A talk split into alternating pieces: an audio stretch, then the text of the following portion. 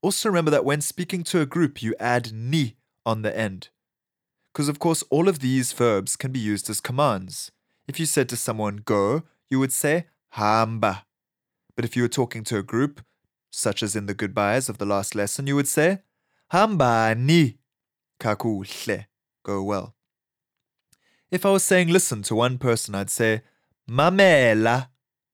But if I was talking to a group, mamelani. If I was saying sit to one person, I'd say hlala phantsi. If I was talking to a group, I'd say hlalani phantsi.